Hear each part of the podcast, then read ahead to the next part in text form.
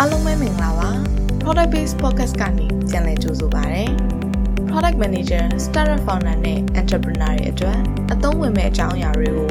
Audio Book နဲ့ Podcast ကနေတဆင့်အပတ်စဉ်ဝင်ပြသွားမှာဖြစ်လို့ Coffee တောင်းရင်တင့်ချိန်တွေကို Product Based Podcast နဲ့ကုံဆုံးရအောင်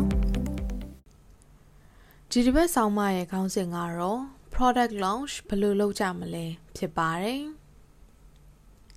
ဒီတစ်ခါတော့ digital product တွေ launch လုပ်တာနဲ့ပတ်သက်ပြီးပြောပြချင်ပါတယ်။ mobile app ဖြစ်စေ website ဖြစ်စေကျွန်တော်တို့ digital product တစ်ခုကိုအချိန်ယူ develop လုပ်ပြီးတဲ့အခါကြန့်ရှိတဲ့အဆင့်ကတော့ launch လုပ်ဖို့ပါပဲ။ product ကို market ထဲသုံးမဲ့ user တွေလက်ထဲကိုထည့်ပေးတာ launch လုပ်တာက ကုမ္ပဏီအတွက်ရော product team အတွက်ပါ အရေးပါတဲ့အချိန်ဖြစ်ပါတယ်။ launch လုပ်တယ်ဆိုတဲ့နေရာမှာ product အသစ်လည်းဖြစ်နိုင်တယ်လို့ရှိပြီးသား product ကိုနောက် version တစ်ခုထပ်ထုတ်တာလည်းဖြစ်နိုင်ပါတယ်။ public ကို launch လုပ်တာဖြစ်နိုင်တယ်လို့ internet သုံးတဲ့ product ကိုကိုကုမ္ပဏီအတွင်းမှာ launch လုပ်တာလည်းဖြစ်နိုင်ပါတယ်။မိမိ product ကို launch လုပ်တော့မယ်ဆိုရင်ဘယ်လိုပုံစံနဲ့ launch လုပ်မှာလဲဘယ်နည်းလမ်းကအကောင်းဆုံးဖြစ်မလဲကို product manager အနေနဲ့ရွေးချယ်ရပါတယ်။ အစားအဆုံး develop လုပ်ပြီးမှတခါတည်း launch အကြီးလုပ်မှာလားတဖြည်းဖြည်းနည်းနည်းစီ launch လုပ်မှာလားဆိုတဲ့ရွေးချယ်မှုပါ term တွေနဲ့ပြောရရင်တော့ big bang launch နဲ့ phase launch လို့ခေါ်တဲ့ small launch တို့ဖြစ်ပါတယ်နီလန်တစ်ခုချင်းစီကအာသာချက်အားနည်းချက်တွေရှိနိုင်တာမို့ launch approach ရွေးချယ်တဲ့အခါ မိမိ business မိမိ product နဲ့ဘယ်နည်းလမ်းကအသင့်တော်ဆုံးဖြစ်မလဲဆိုတာရွေးချယ်ဖို့အရေးကြီးပါတယ် Big Bang Launch ကတော့ product တစ်ခုလုံးကိုအစအဆုံးအချိန်ယူ develop လုပ်ပြီးမဲ့ရက်ကိုသတ်မှတ်အကုန်ကြိုတင်ပြင်ဆင်ပြီး launch လုပ်တာမျိုးပါ market ထဲသုံးမဲ့ user တွေလက်ထဲကိုသတ်မှတ်ထားတဲ့ရက်မှာ product တစ်ခုလုံးထည့်ပေးလိုက်တာဖြစ်ပါတယ်မြင်သာတဲ့ဥပမာကတော့ Apple တို့ Microsoft တို့လိုကုမ္ပဏီကြီးတွေက product အသစ်မိတ်ဆက်တဲ့အခါမျိုးပါ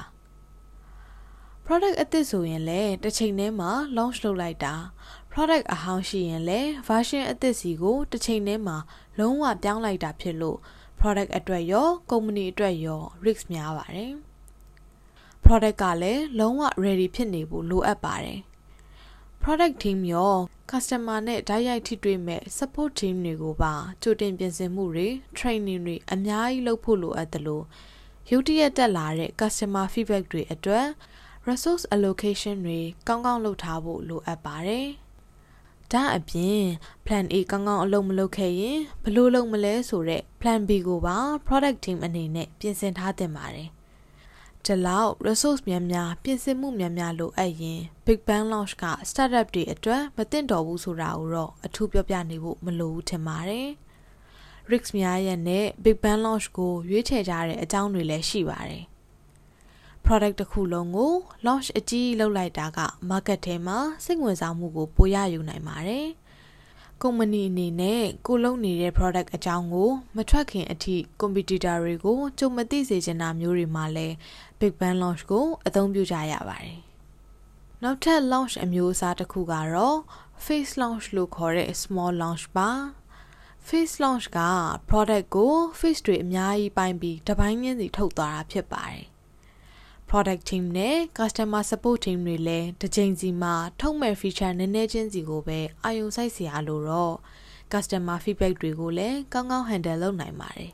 ။ကုမ္ပဏီဘက်ကလည်း resource အများကြီးထားပေးစရာမလိုတော့ဘူးပေါ့။ customer ဘက်ကကြည့်ရင်လည်းနည်းနည်းချင်းသုံးရင်းနဲ့အသားကျပြီးနောက်ဆုံးမှာ product တစ်ခုလုံးကိုရတဲ့အခါအဆင်ပြေပြေသုံးနိုင်ပါတယ်။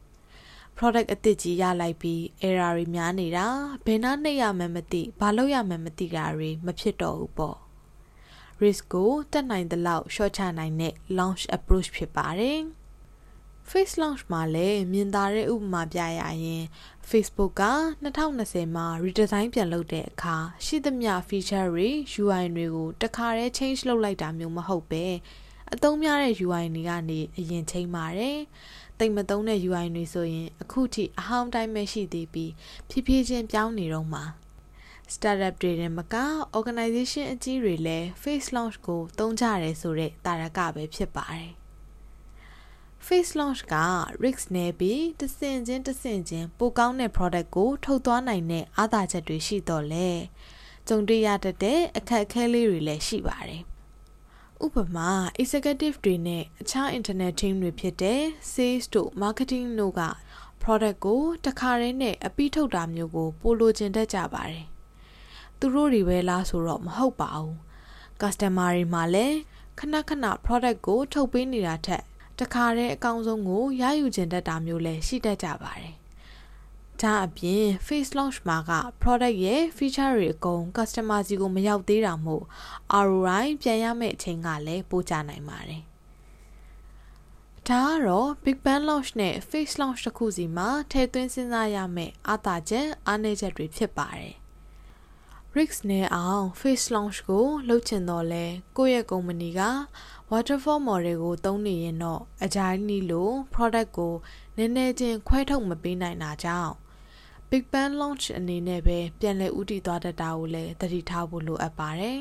။ဒါကလည်း product team တွေဘာလို့ agile ကိုသုံးသင့်လဲဆိုတဲ့အကြောင်းရင်းတွေကတစ်ခုဖြစ်ပါတယ်။ product manager အနေနဲ့ကိုယ့်ရဲ့ product ကိုဘယ်လိုပုံစံနဲ့ launch လုပ်သင့်လဲ။ကိုကုမ္ပဏီနဲ့ကို product အတွက်ရလာနိုင်တဲ့ risk တွေကဘာတွေလဲကြိုတင်သုံးသပ်ပြီးမှအသင့်တော်ဆုံး launch အမျိုးအစားကိုရွေးချယ်သင့်ပါတယ်။ နောက်ထပ်နားဆင်ခြင်းတဲ့အကြောင်းအရာတွေရှိရင်လည်း product based website နဲ့ Facebook page တို့မှာ request လုပ်နိုင်ပါတယ်